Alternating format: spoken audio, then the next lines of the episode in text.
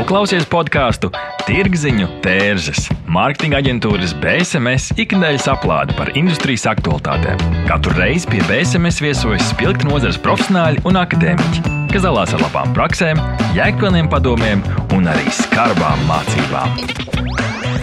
Aiziet! Šodien Tirziņu tērzes studijā Inta Buša. Esat sveicināti mūsu 55. epizodē, un šodien mēs runāsim par mūsdienīgu prezentāciju.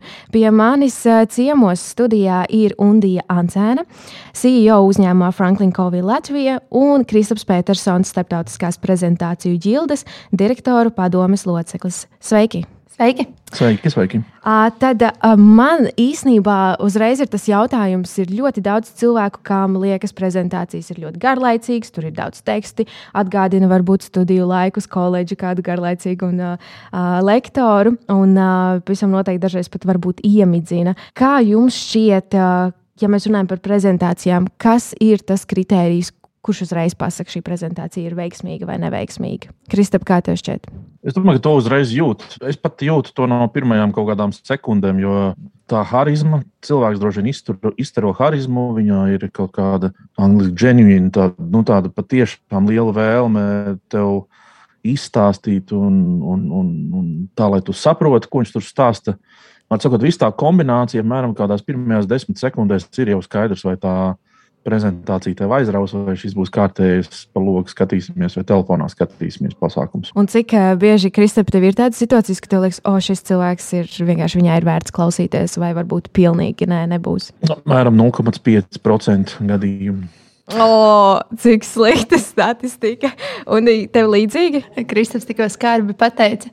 Um, man liekas, ka šobrīd, un vispār, nu, laikam tā, kurā mēs dzīvojam, uh, Mums visu laiku kāds prezentē. Konstanti mēs, mēs prezentējam sevi, kāds prezentē mums visu laiku. Ja es domāju par saviem kolēģiem, man šķiet, ka 85% laika man šķiet, ka tas, ko viņi man prezentē, jebkādā formātā ir noderīgi. Līdz ar to um, es dzīvoju tādā foršā burbulī, laikam, darba vidē, kur man šķiet, ka tas, ko, ko viņi dara, ir vērtīgi.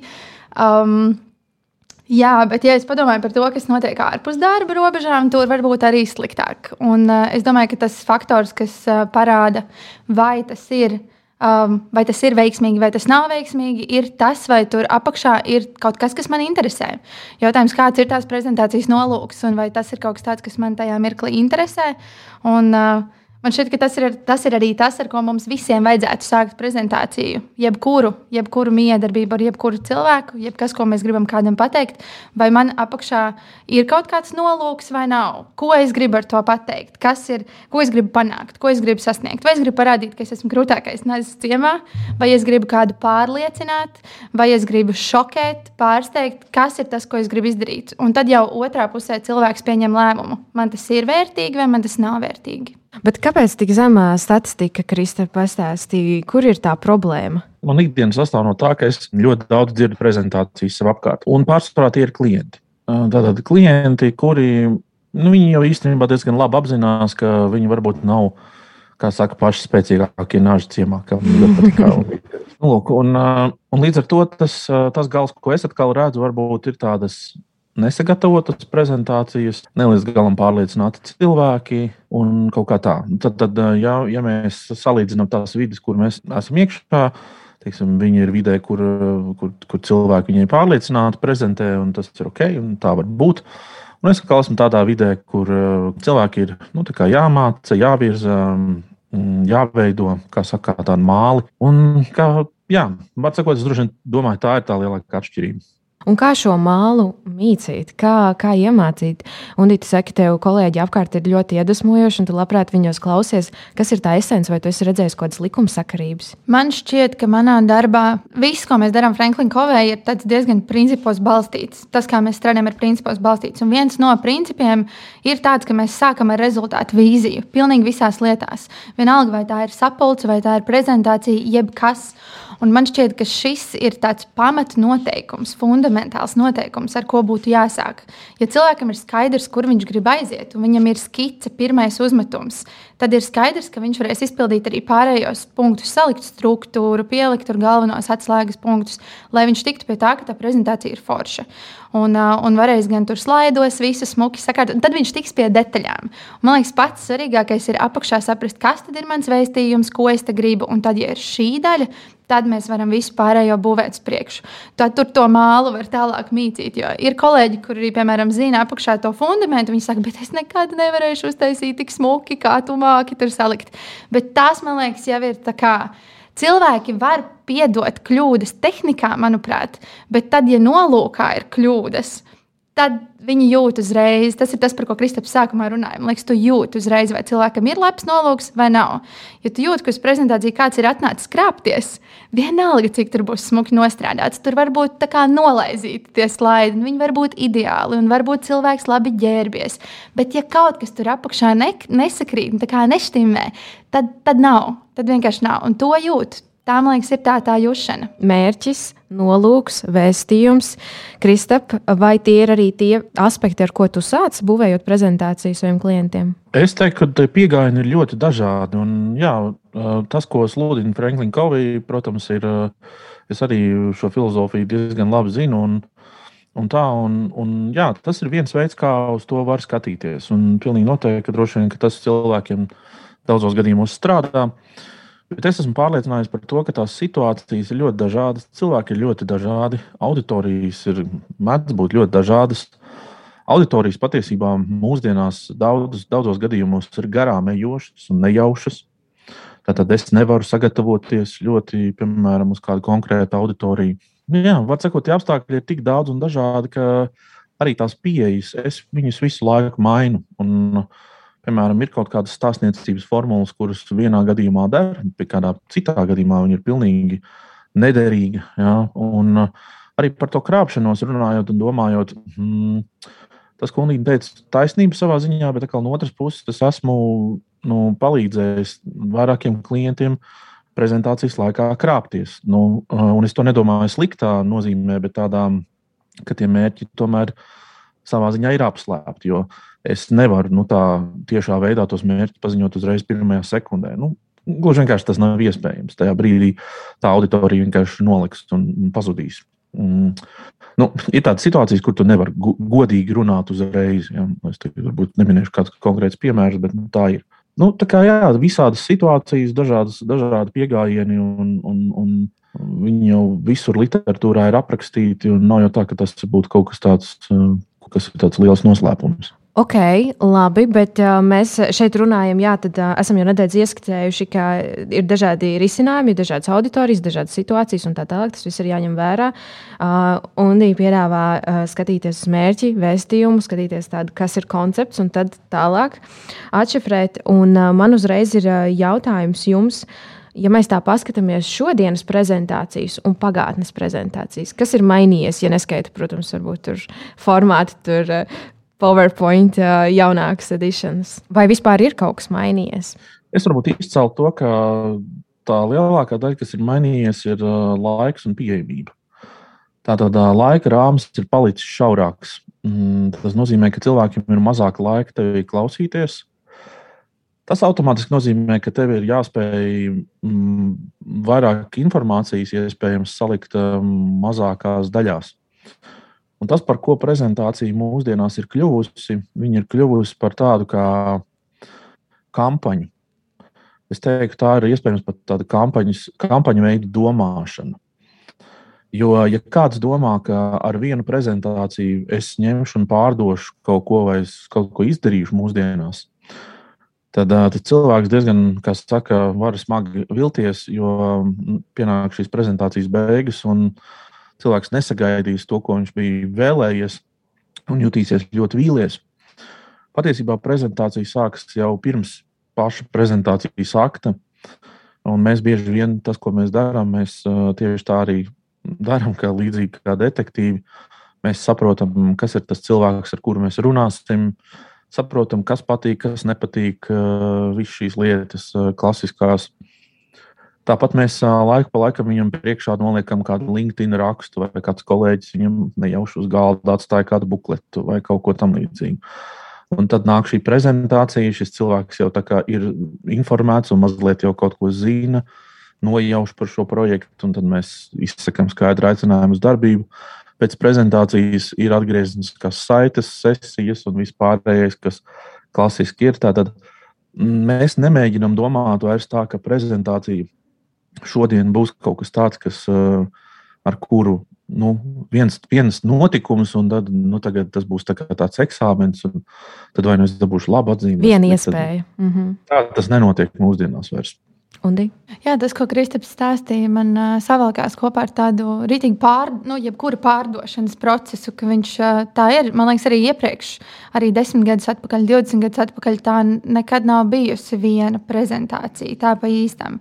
Un man liekas, ka mēs esam attīstījušies un izauguši un izdomājuši tik tālu, ka, nu, ja mēs skatāmies uz prezentāciju kā prezentāciju, kura ir dots konkrēts laiks, kad ir kaut kāds formāts, un mēs tiešām prezentējam, tad uh, tā ir tikai viena aktivitāte. Tam es pilnīgi piekrītu. Tā jā, ko saka Kristaps. Protams, ka ir mainījušās arī citas lietas, kā vizuāli kaut kas izskatās. Tur uh, piekrītu arī par laika rāmu, ka viņš ir īsāks. Un, uh, es atceros, ka pirms kādiem 15 gadiem, kad es sāku pētīt vispār par prezentācijas, tur mākslu un tā, man ļoti interesēja tā tēma.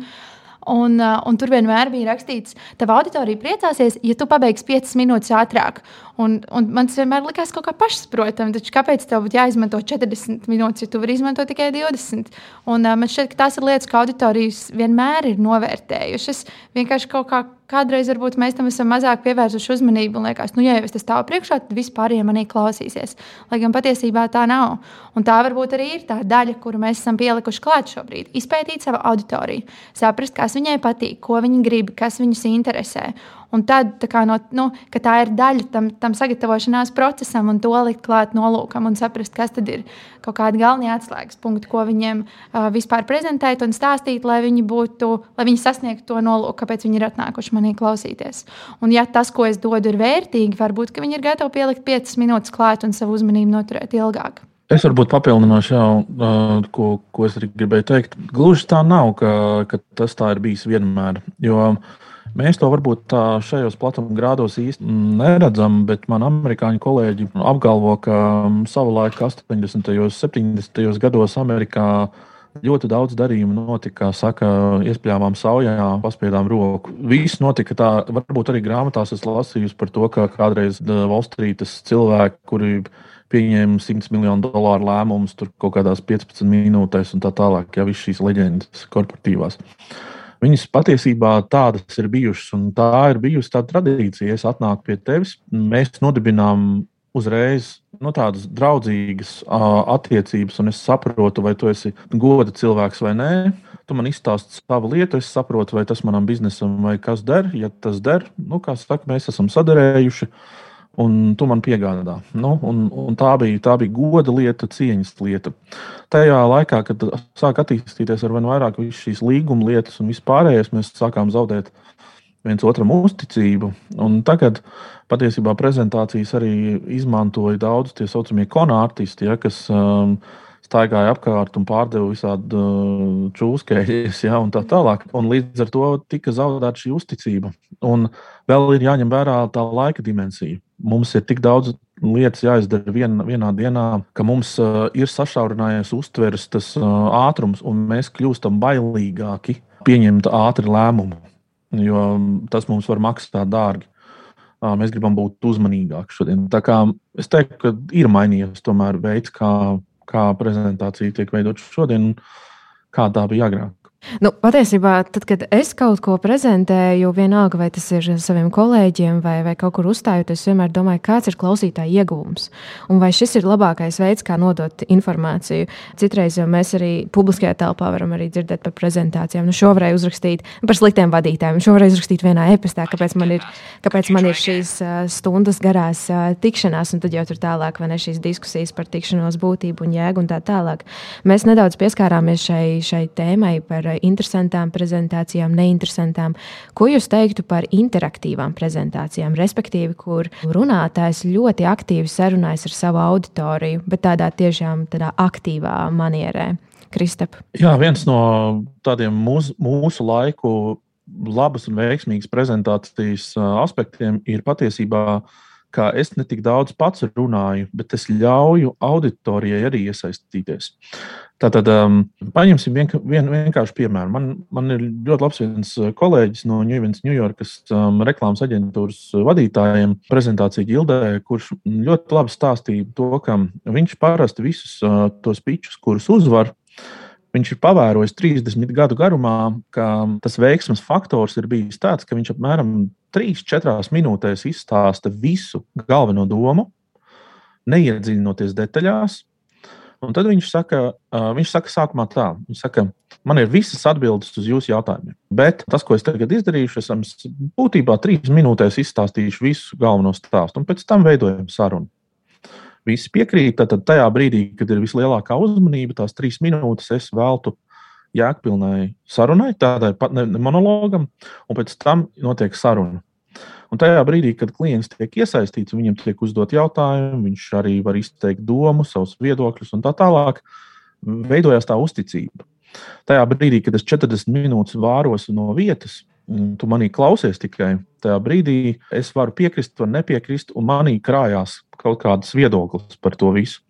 Un pēc 40 minūtēm, kad ir uh, šī jautājuma atbildžu sesija, pēc būtības es jau esmu pusi no tā visa aizmirsis, bet tas rūkums man tur kaut kur iekšā bija, kad bija daudz neatbildētu jautājumu un tā tālāk. Tā kā, jo ātrāk jums ir iespēja eh, nevis runāt monologā, bet iesaistīt auditoriju, jo īstenībā veiksmīgāks tas mm, gala rezultāts jums pašiem būs. Un tā ir arī mana pieredze. Es īstenībā par eh, kāpēc es saku par to klausītāju iegūmu, jo, manuprāt, eh, nu arī pēc tādām, nezinu, kaut vai politoloģijas, socioloģijas teorijām, gan daudz cilvēku ir diezgan egoistiski un uz sevi vērsti. Un mēs ne tik daudz gribam vienmēr klausīties citus, kā tikt sadzirdēti. Un tas ir, Kristap, arī papildinot tevi, vai ne? Ka tieši tā sarunāties ar auditoriju. Un, uh, man īstenībā arī ir tāds piemērs, es to diezgan ātri uh, sapratu arī ar saviem studentiem Rīgas Tradiņu universitātē, pasniedzot lekcijas, ka tajā brīdī, kad es izmantoju Mentimeter, uh, pieņemsim, lieku viņiem pieslēgties online, atbildēt uz kādu jautājumu, uzreiz aktivitāte augšā, interese augšā, gatavība iesaistīties, izteikt savu viedokli un klausīties arī man kā lektoru uzreiz paceļās. Un, vai tas novērojis līdzīgs piemērs Franklin Kovī? Jā, biznesa treniņu nozarē man šķiet, ka nu, pēdējo, grūti pateikt ciparu, bet pēdējo gadu laikā tas, ko mēs redzam, biznesa treniņam ir jābūt ļoti, ļoti ar augstu iesaisti. Tam jābūt tādam engaging procesam, kurā visu laiku cilvēks strādā. Un, ja paskatās uz to, kāda bija treniņi, kā, uh, nu, nezinu, pirms gadiem, 15, 20, kur, uh, kur tā, tas saturs uh, ne tikai mūsu uzņēmumā, bet arī visur citur pasaulē bija ļoti tāds, no augšas uz leju pieeja. Es mm -hmm. te mhm. stāstu, jūs šeit klausāties. Tad, ja mēs paskatāmies uz vispār mācību procesu, šobrīd viņš vispār ir mainījies, bet, ja mēs paskatāmies uz to, kas notiek kā, auditorijā, vai Zoom lodziņā, vai Microsoft Teams lodziņā, protams, ka tas process ir tāds, kur es maksimāli 3 līdz 5 minūtes kaut ko stāstu, un pēc tam notiek interakcija. Un šī interakcija var būt dažāda, tad šī interakcija ir jābūt tādai, kurā otra puse man iedod kaut ko atpakaļ. Vienalga, vai tas ir īkšķis, vai tas ir ķeksīts, vai tā ir atbilde jā, nē, vai tas ir, vai tas ir čats, vai tas ir kaut kāds jautājums, vai tas ir darbs grupās, kur cilvēki nāk atpakaļ un kaut ko stāsta. Bet šai interakcijai ir jābūt konstanti. Un, ja mēs paskatāmies tieši vairs ne uz prezentācijām kā instrumentu, kur vai kaut ko kādam pārdot, vai, vai, vai noprezentēt un pastāstīt, bet, ja tas ir mācīšanās process, tad šis apusējās došanas faktors ir ļoti svarīgs, jo bieži vien mēs mācāmies gan no citiem cilvēkiem, gan ir jāņem vērā, ka labāk mēs mācāmies nevis tad, kad mēs klausāmies, bet mēs labāk mācāmies tad, kad mēs reflektējam, domājam un procesu vispār laižam caur sevi. Un tajā brīdī man ļoti patīk salīdzināt šo tad kā trenera darbu vai, vai pasniedzēja darbu, vienalga, ka tajā brīdī, kad mēs runājam ilgāk par piecām minūtēm vienlaicīgi, mēs apzogam savu auditoriju. Mēs neļaujam viņiem strādāt, mēs neļaujam viņiem domāt. Viņi ir atnākuši mācīties, trenēties, studēt, domāt. Un tajā brīdī, kad mēs viņiem stāstām, jā, mēs viņus varam izklaidēt. Jā, mēs varam viņiem stāstīt aizraujošus stāstus, viņiem patiks. Viņi izies ārā un viņi teiks, super, bija tik forši, bija tik interesanti. Bet vai viņi būs mācījušies? Lielā daļā gadījumu nē. Un to mācīšanās procesu caur prezentācijām nodrošina tieši šī interaktivitāte. Un tur tie formāti, man liekas, ja paskatās uz to, kā auditorijas formāta pārēja uz, uz, uz interaktīviem formātiem, uz Zoom un uz to, ka viss notiek ekrānā, kādas iespējas tas ir pavēris, Tas ir rītīgi interesanti, tas ir ļoti forši. Tur tas formāts ir tik plašs, un galvenais ir mācīt to izmantot un skatīties, kādu kā, pievienoto vērtību tas var iedot. Mēs uh, arī diezgan daudz domājam, kā mēs varam iesaistīt īstenībā mūsu klausītājus šādā formātā, podkāstu formātā, un tas ir arī noteikti jautājums. Bet uh, klausītāji uh, noteikti tagad, kad mēs dodamies reklāmas pauzē, padomā par to, kas tev ir laba prezentācija, un varbūt tev ir kāds superlabs uh, piemērs, ko tu esi piedzīvojis.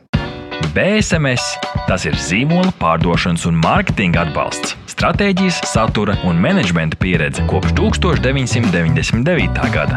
BSMS nodrošina radošas, tradicionālas un digitālās pārdošanas veicināšanas kampaņas un konsultācijas.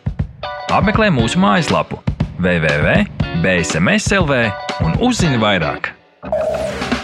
Neatbildami jautājumi, sarežģīti lēmumi. Sazinies ar Norstat. Mēs palīdzēsim. Norstat. Tas ir draudzīgs servis, innovatīvi risinājumi un kvalitatīvi dati, lai tu varētu pieņemt veiksmīgus, datos balstītus lēmumus. Pievienojies vairāk nekā simts Latvijas uzņēmumiem, kas uzticas vadošajam datorisinājumu nodrošinātājam Ziemeļeiropā. Mūsu mērķis ir atvieglot tavu dzīvi un ļaut pieņemt pareizus lēmumus. Norstat - vērtīgi dati svarīgiem lēmumiem.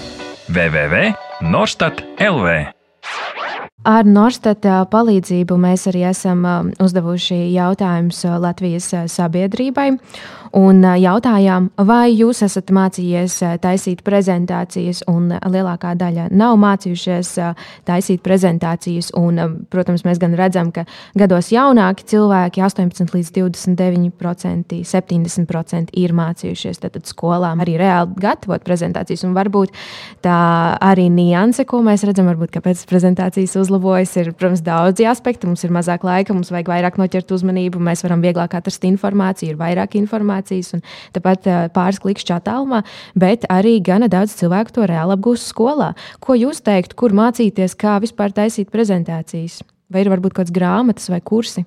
Manam vīram ir mazā māsa, kur ir 12 gadi, un es redzēju, kā viņa skolā mācās taisīt prezentācijas. Uh, viņa dara tieši to pašu, ko mēs darījām. Tad, kad mēs gājām skolā, un es gāju skolā jau pirms vairāk kā 11 gadiem. Un, man liekas, ka tur uh, man ir bail, ka tā ir vieta, no kuras daudz laba, laba nekā ārā nenāk. Es neesmu mācījusies taisīt prezentācijas no grāmatām. Es neesmu lasījusi nevienu grāmatu personīgi. Es esmu pētījusi dažādus internetu resursus skatījusies uh, vienkārši uz trendiem, kas šobrīd modē, kādas krāsas ir modē, kāda burbuļu salikuma ir modē, kas, kas tajā brīdī izskatās labi. Vienkārši testējusi, mēģinājusi, skatījusies, kas man patīk, kas ir atbilstoši tai auditorijai, tam stilam, kādu es gribu tajā brīdī pavēstīt, paust. Jā, man šķiet, ka internets uh, savā būtībā ir vienkārši googlējama vieta, kurā tu vari visu kaut ko tam līdzīgu atrast. Man nav uh, konkrēti norāžu, bet man ir aizdoms, ka Kristapam gan tādas varētu būt. Kristap, vai tev ir kaut kādas idejas? Man uzreiz tagad, un ieklausoties, ienāca prātā, ka, ja cilvēks prezentē kaut ko līdzīgu TETOLKS, vai ne, tad viņš droši vien iegooglēs un paskatīsies kaut kādas labākās prezentācijas. Mm -hmm. Bet, uh, ko tu, Kristap, ieteiktu? Nu, kur labāk mācīties? Nu, pie manis. Nu, kur Nē, labi, bet, ja tā nopietni, tad uh, apkārt jau dažādu prezentāciju veidošanas um, treneri ir. Nav jau tā, ka viņu nav Latvijā. Jautājums ir, ko tu gribi attīstīt vairāk, vai tu gribi attīstīt stāstniecību, vai tu gribi attīstīt informācijas dizainu, vai tu gribi attīstīt uh, publisko runu. Uh, jo prezentācijas sastāv no, no da dažādiem aspektiem. Nav gluži tā, ka prezentācija ir tāds viengabalains kaut kāds um, elements. Tas, kur man ir paveicies, ir tas, ka prezentācija ģilde, kas apkopo, apvieno sevi vairāk nekā 3000 dažādu prezentācijas profesionāļu pasaulē, no dažādiem kontinentiem un tā tālāk. Tā skaitā, protams, tur ir gan Fortune 500 kompāniju cilvēki, kas veido prezentācijas, gan uh, lielais četrnieks, uh, gan, piemēram, uh, skolu, uh, augstskolu asociācijas, kur skolotāji stāsta, rāda jaunākos, uh, jaunākās tendences, piemēram, uh, kā, kā viņi palīdz iemācīt um, bērniem un studentiem vielu. Un, protams, ka notiek šīs prezentācijas ģildes ietvaros, notiek dalīšanās ar informāciju, proti, kas ir tās labākās tendences un veidi un tā tālāk. Protams, ka daudz ko no tā visa var izlasīt grāmatā, bet um, otra, no otras puses, varbūt pat ir svarīgi, ka ir kāds mentors. Es to droši vien nosaucu kā mentoru, kurš kādu laiku var tavā dzīves ceļā paiet līdzi un palīdzēt piekuriģēt to, kā tu veido stāstu, kā tu, kā tu to stāstu noformē un kā tu sevi iznes. Nu, tādu, varētu teikt, tādu personīgā zīmola skolotāju vai, vai kā tam līdzīgi. Es domāju, ka kaut kas tāds noteikti var palīdzēt. Un es zinu, ka starp maniem klientiem ir bijuši arī tādi, kuri laiku pa laikam atgriežas un saka, man toreiz bija ļoti labs uzrāviens, bet tad, kad nu, mēs tā kā pašķīrāmies, tad, tad man atkal, kā saka, tas, tas viss tā kā mazliet piemirsās, un tad tas cilvēks atkal atgriežas. Un mm -hmm. atkal, um, nu tā, tā kā es nezinu, man, man ir, es domāju, tā, ka var sameklēt kādu savu, savai ķīmijai atbilstošu treneri, kurš tad var palīdzēt to. Latvijā to var atrast, nav gluži tā, ka viņi nav. Uh -huh, uh -huh. Man gribās drusku papildināt Kristapu tajā, ka, ja es um, iztēlojos prezentāciju, sevi kā prezentētāju, un tad man ceļu līdz auditorijai, tad mans uzdevums ir uh, to ceļu, kurš ir pilns ar visādiem šķēršļiem, akmeņiem, tur kaut kādu aizaugušu krūmu priekšā. Mans, ce, mans uzdevums ir notīrīt to ceļu. Un uh, katrs no tiem šķēršļiem ir kaut kas tajā manā, varbūt neprasmē, labi noprezentēt. Vienalga, vai tā ir spēja uztaisīt prezentāciju, vai tas ir labi izskatīties, vai tā ir kaut kāda, nezinu, kaut kas manā runā. Varbūt, ka es, man ir neskaidra dikcija, vai, vai es lietoju par daudz svešvārdu, vai es daru ē un ā, vai ka tie ir dažādi šķēršļi, un tad iespējams, ka pirmais solis ir saprast, vispār mazliet noauditēt, kas tad man nav kārtībā. Jo tajā brīdī, kad mēs padomājam, oh, es neprotu prezentēt, liekas, ka tā problēma ir milzīgs zilonis, un tad tu nesaproti, kur viņā iekosties, kā, ar ko sākt. Un varbūt tas ir pirmais solis, un tad sākt skatīties, vai tas ir kāds, kurš palīdz man struktūrēt runu, vai uzlabot tieši to, kā es runāju, vai domāt par visiem šiem pārējiem aspektiem, kāda ir mana žestu valodas, skatuves un, un, un šo visu. Tā kā, jā. Mm -hmm, tad, respektīvi, mentors, meklēt informāciju un noteikti uzstāties kādam un saņemt, un būt gan atvērtam patiesībā ar tādu mindsetu, vai ne? Un klausīties mm -hmm. atpakaļ, kāds feedback, ko konkrēti pie kā varbūt strādāt. Bet ar Norstedt mēs arī uh, pajautājām cilvēkiem, kas jums visvairāk nepatīk uh, prezentācijās, un šie ir Latvijas uh, reprezentējoši uh, dati, un 41% šī ir vispopulārākā atbilde, saka, pārāk gari teksti. Vai tā ir problēma, ko jūs redzat arī vēl joprojām mūsdienās, šodienas un vispār prezentācijās, Kristap? Jā, noteikti. Un tas arī tas, ko Undīna minēja, no, no kurienes tas viss nāk. Tad mums ir jāatgriežas mazliet atpakaļ izglītības sistēmā, jā, pie, pie mūsu pamatskolas un vidusskolas gadiem. Tas bija faktiski viss, ko mēs redzējām. Un tad, kad mēs gājām uz augstskolu, mēs redzējām tieši to pašu. Tad, kad mēs nokļūstam savā darba vietās, mēs ko darām? Mēs kopējam, darām tieši to pašu. Un tas, ko mēs sev visu laiku darām, mēs viens otram rādām tādus, tādus sarakstus. Tās nav prezentācijas, tie nav slaidi, tie ir saraksti. Tie ir, tās ir gari teksti, kurus mums vajag lasīt. Jo mēs vienmēr domājam, ka mēs pēc, pēc lekcijas vai pēc tās sarunas nosūtīsim šos slaidus tam cilvēkam, lai tas paliek viņam Nu, un jā, un tādā veidā arī rodas tās visas uh, gan komunikācijas, viduvējas komunikācijas problēmas, gan, gan, gan tas, ka mums uh, riebis vārds prezentācija, gan tas, ka PowerPoint ir lama vārds un, un tā tālāk.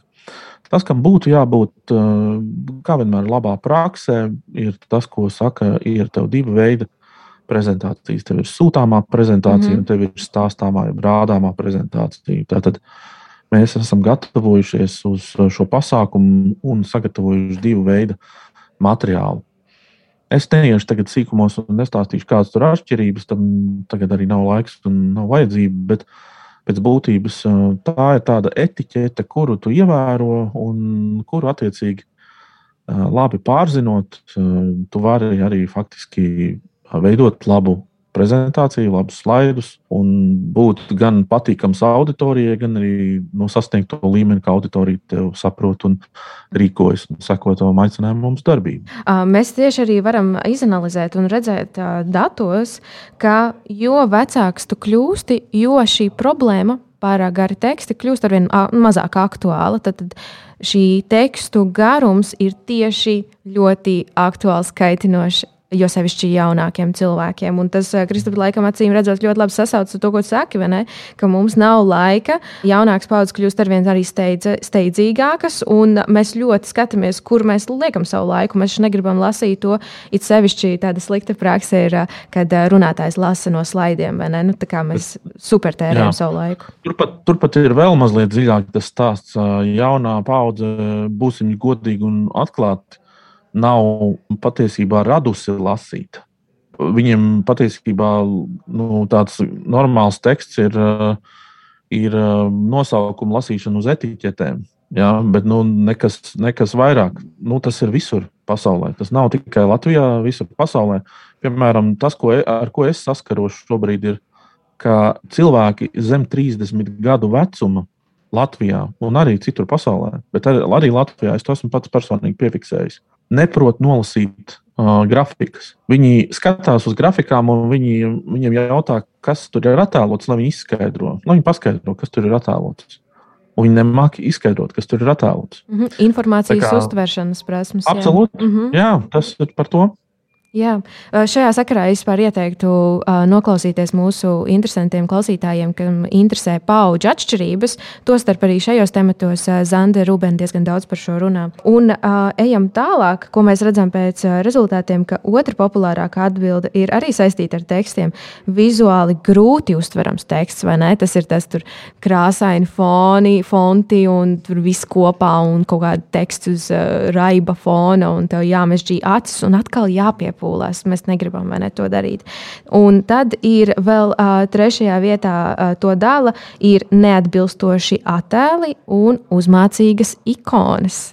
Un Dīgādi šo komentāru. Es aizdomājos par tiem jauniešiem, nesen bija iznācis pētījums par to, ka, ka jaunieši īstenībā, ja, ja viņi dzirdētu to, ka mēs sakām, ka viņi nelasa, ka viņi apvainotos, jo viņi īstenībā lasa. Viņiem patīk lasīt, bet man liekas, problēma šeit vairāk ir ar to, ko angļuiski sauc par attention span ka mēs vienkārši, nu, ja tu gribi, lai es lasu šo tekstu, nu, tad atsūti man, es viņu izlasīšu sev brīvā laikā, nevis tajā brīdī, kad tu vēl paralēli man kaut ko runā. Tu gribi, lai es viņu arī izlasu, tad sanāk, ka man vajag multitaskot un skatīties tajā ekrānā, lasīt, klausīties, ko tu man stāsti, un vēl tad tikt galā ar tām briesmīgajām ikonām. Man liekas, ka jaunā paudze mm. tomēr ir pieradusi pie, pie gaumīgām lietām, pie tā, ka izskatās lietas korekti. Man liekas, pa, viņi paši ir satura radītāji bieži vien platformās. Kāpēc viņi uh, tolerētu kaut ko tādu, kas neatbilst viņu, viņu laikmetu izpausmēm? Līdz ar to es nebrīnos par to, ka dati ir šādi. Un mēs nedaudz jau pieskārāmies šim jautājumam par grafikiem. Es gribu nedaudz tādus praktiskus pāris jautājumus jums pajautāt. Kā vispār darīt ar skaitļiem prezentācijās? Grafiki, lieli cipari vai iekļaut tekstā tie klausītāji, kas ir varbūt no finanšu nozarēm vai arī mums, mūsu klausās gan daudz pārdošanas nozarē strādājoši. Ko viņiem darīt, kā vislabāk pasniegt tekstus? Jā, es varbūt ne, nedošu vienu ļoti konkrētu kaut kādus um, priekšlikumus, jo atkal tas paņems laiku, bet es iedošu tādu vienu fundamentālu recepti, ko visi var droši izmantot. Tātad, kas nepieciešams ir slaidos? Slaidos ir nepieciešama informācija, kuru jūs pēc būtības, teiksim tā, ir tāds koncepts kā simplicity, tātad vienkāršība. Ja? Un mēs visu laiku maldīgi esam gājuši uz lietu minimalizēšanu, proti, Mums liekas, ka slaidos ir par daudz informācijas, līdz ar to mēs sākam ravēt tās, to, to visu ārā. Un mēs gribam visu uztaisīt tādu nu, vienkāršu, simpli, simple, nu, simplicity. Bet tas, uz ko ir jāliek uzsvars, ir nevis simplicity, bet clarity. Tātad skaidrība. Skaidrība ir vispirms, un uh, simplicity ir pēc tam. Ko es ar to domāju? Ar to domā, es domāju, tā, ka tad, kad tu aizies ar ļoti minimālu prezentāciju pie juristiem, tad juristi tev izsvilps, jo viņiem ir pierasts, viņiem ir jāzina nu, precīzi uh, ministra kabineta noteikumu, tur tāds un tāds punkts, ne, nesaīsinot viņu. Ja viņiem ir vajadzīgs teksts, viņiem ir vajadzīgs teksts, un tu labi gribēdams, mēģinādams viņiem tur kaut ko novienkāršot, esi patiesībā nevis palīdzējis viņiem, bet sarežģījis viņiem lietas. Savukārt, ja tu ej, piemēram, pie nezinu, kā, kādas citas auditorijas, ja, un es biju atkal es sarakstījis pārāk daudz, kaut gan šī auditorija nespēja varbūt uztvert tik daudz uh, vienā, vienā reizē, Viņi nav tam trenēti, viņi nav tam domāti. Viņiem ir citas izpausmes. Viņi, piemēram, tur nezinu, ir rado, radoši ja, pārsvarā. Mm -hmm. Tad automātiski tas, tas, tas tekstu daudzums viņus, nu, viņiem novērš uzmanību, un, un ko Undīna arī pareizi pateica, jā, tas viņus kaitina. Tā kā, jā, es teiktu, tā kā clarity instead of simplicity. Tātad tas ir tas, kas ir, ir numur viens. Domājam, ja mēs ejam pie auditorijas, vai tas teksta daudzums un tas viss tas apjoms, ko es tur esmu salicis, vai tas ir, vai pirmkārt, tas pilda skaidrības funkciju. Nedomājam tik daudz par to, vai tas ir pārāk daudz uz slaidu vai pārāk maz uz slaidu, bet vai tieši šai konkrētajai auditorijai tas pilda skaidrības funkciju. Man ļoti patīk šis viens vārds, konkrēti clarity, un tas diezgan daudz arī atbild Undī. Šodien, gatavojoties un domājot par to, par ko mēs runāsim, es aizdomājos par, par konceptu, kurš eh, pēdējo gadu laikā ir arvien aktuālāks prezentāciju taisīšanā, un to es novēro, novēroju arī savā darbā, ir tas, ka daudz vairāk ir svarīgi domāt par eh, to, ko angļuiski sauc par accessibility, jeb latviešu pieejamību, un ka bieži vien sataisot dažādus grafikus, kur ir 15 zilās krāsas toņi, un tad ir kaut kādi maziņi cipariņi, ka ir ļoti grūti nolasīt cilvēkiem, kuriem ir vai nu vairedzība, vai nu krāsa redzes traucējumi, vai vispār kādi redzes traucējumi. Un cik svarīgi šobrīd tā taisot prezentācijas un domājot par to, ko mēs liekam iekšā slaidos, paskatīties uz to, vai tas ir pieejams tiem cilvēkiem, kuri neredz prezentācijas tāpat kā vispārējiem. Un, uh, skatoties, es pati, es, man savā darbā sanāk taisīt prezentācijas gana maz. Manā vietā pastrādā dizaineri, bieži vien kolēģi Amerikā atsūta man, es, man, es tieku jau pie gatavā rezultāta. Un uh, viena lieta, ko man patīk vērot, ir tendences, kā mainās tas, ko viņi dara. Un viens ir, kā viņi spēlējas ar krāsām. Ja, piemēram, drukātā materiālā krāsas ir vienas, tad prezentācijā tas ir kaut kas cits, mazliet cits niansēs. Taču, lai tas būtu viegli uztverams, ja tev visu dienu ir nepieciešams skatīties ekrānā vai izšķirt toņus, paičārtiņos vai stabiņos, tas ir ļoti, ļoti nozīmīgi. Jā, viens ir varbūt par to, ka auditorijai konceptuāli ir grūti nolasīt kaut ko no grafika, bet otrs arī, vai mēs to atspoguļojam tik draudzīgi, lai viņiem mm -hmm. būtu uzreiz viegli saprast, kas tas ir, ko man šeit vajag nolasīt, un kas ir tas Krista minētais clarity, ko tad, ko tad eh, veidotājs vēlas, lai es no tā grafika nolasu. Jo diez vai viņš grib, lai es visus tabulas 16 eh, ailītes saprotu, kā, kurš cipariņš uz ko attiecas. Tas laikam arī sasaucas ar to, ko, ko mēs arī runājam, ka varbūt nevajag bāzt nenormāli daudz informācijas vienā slaidā un vajag skaidri saprast pašam sev, ko es ar to gribu vienkārši pateikt. Un tas atkal sasaucas ar to, ko mēs sākām. Un tad, finišējot arī šo epizodi, vēlos jums jautāt, kas būtu tas jūsu novēlējums vai galvenais ieteikums mūsu klausītājiem. Kristapā, varbūt esi gatavs sākt. Es domāju, ka nepadoties pie pirmajām grūtībām un, un meklēt un skatīties labo praksi un piemērus un kopēt kopēt uh, un tādējādi sevi arī attīstīt. Jo uh, man nekad nav bijis nekādu saka, iebildumu, ja, ja mans darbs tiek kopēts, jo es arī uh, kopēju savu amerikāņu vai, vai Japānas vai Indijas kolēģu labāko, labāko kas, kas viņiem ir. Tas varbūt tā kā domāju, novērtējums, vai ne? Drīzāk. Jā, nu, ta, tieši tā, tieši tā. Un tas, man liekas, ir arī tas, kas uh, uzlabos to komunikāciju, tas, ka mēs aizgūsim labāko praksi un labākās lietas viens no otra.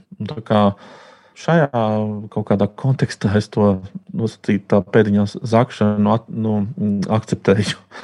tā kā, jā, droši tādā veidā sevi attīstam un, un, un, un skatāmies jā, vairāk labo praksi.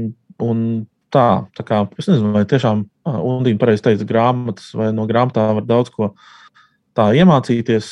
Es negribētu arī noliekt, ka nē, droši vien, ka var kaut ko iemācīties, bet nu, vairāk skatīties apkārt un piefiksēt tās. Tie, tos cilvēkus, tos runātājus, kas tev patīk, tos slaidus, kas tev patīk, to stilu, rokrakstu, kas tev patīk, un mēģināt to adaptēt. Man gribās aizvilkt pilnīgi citā virzienā, jo Kristaps jau daudz labi domu pateica. Um, es novēlu cilvēkiem dīlot ar stresu. Uh, man ir kolēģi, kuri ļoti, ļoti satraucās pirms kaut kādām lielākām prezentācijām. Viņi saka, kā tu vari tik pārliecināti un mierīgi būt. Un, uh, es aicinu visiem sevi uh, pirms prezentācijām, kad viņi satraucās, uh, sarunāt, ka stress ir kaut kas labs. Un sarunāt, ka stress ir kaut kas tāds, kas mūsu ķermenī strādā kā, kā palīgviela. Viņš palīdz mums uh, elpot straujāk, asinīm rotēt organi, uh, organismā ātrāk. Tas nozīmē piegādāt barības vielas uz smadzenēm, lai mēs varam labāk nostrādāt uz tieši šo prezentācijas laiku. Un es aicinu cilvēkiem uh, šo stresu uh, pārvarēt, izmantot izmantot savā labā un uh, izmantot šo praksi atkal un atkal un atkal. Pamēģināt pirmo reizi, piekto, divdesmit piekto. Un, uh, tā ir lieta, ko es esmu praktiski pārbaudījusi savā dzīvē, ka practice makes perfect, kad ar katru nākamo reizi kļūst ar vien labāk. Un, uh, un, un šo te, uh, trendiņu un stresu izmantot savā labā, lai tās prezentācijas kļūtu ar vien pārliecinātākas, un mēs jau no pirmajām sekundēm varētu noķert to auditorijas interesi, lai viņi gribētu ar mums palikt līdz pēdējiem vārdam. Jā, lai, lai sanāk, tas runātājs būtu tajos Kristofā 0,5%, jā, kurus gribas klausīties. Jā, mēs diezgan daudz dažādas ieteikumus šeit esam aprunājuši, sākot no divām dažādām prezentācijām, domāt arī par cilvēkiem, kuriem ir redzes traucējumi un par konceptu un tā tālāk. Un, laikam, mans teiksim, galvenais ieteikums būtu padomāt, ko varbūt ne tikai tu gribi izstāstīt, bet padomāt, kas būtu tavai auditorijai, ko viņi gribētu dzirdēt un kas būtu viņiem noderīgi. Lielas paldies maniem viesiem Tirziņu tērzes studijā. Kopā ar mani bija Undija Ancēna, CEO uzņēmumā Franklin Covey Latvija un Kristaps Petersons, starptautiskās prezentāciju ģildes direktoru padomes loceklis. Paldies, ka klausījāties BSMS podkāstu Tirziņu tērzes. Aplādi ar labām praktiskām, jēgpilniem padomiem un skarbām mācībām. Patika epizode? Dalies sociālajos medijos, ir idejas tēmām vai viesiem? Raksti mums! Tās bija Tirziņu tērzes. Tiekamies nākamnedēļ!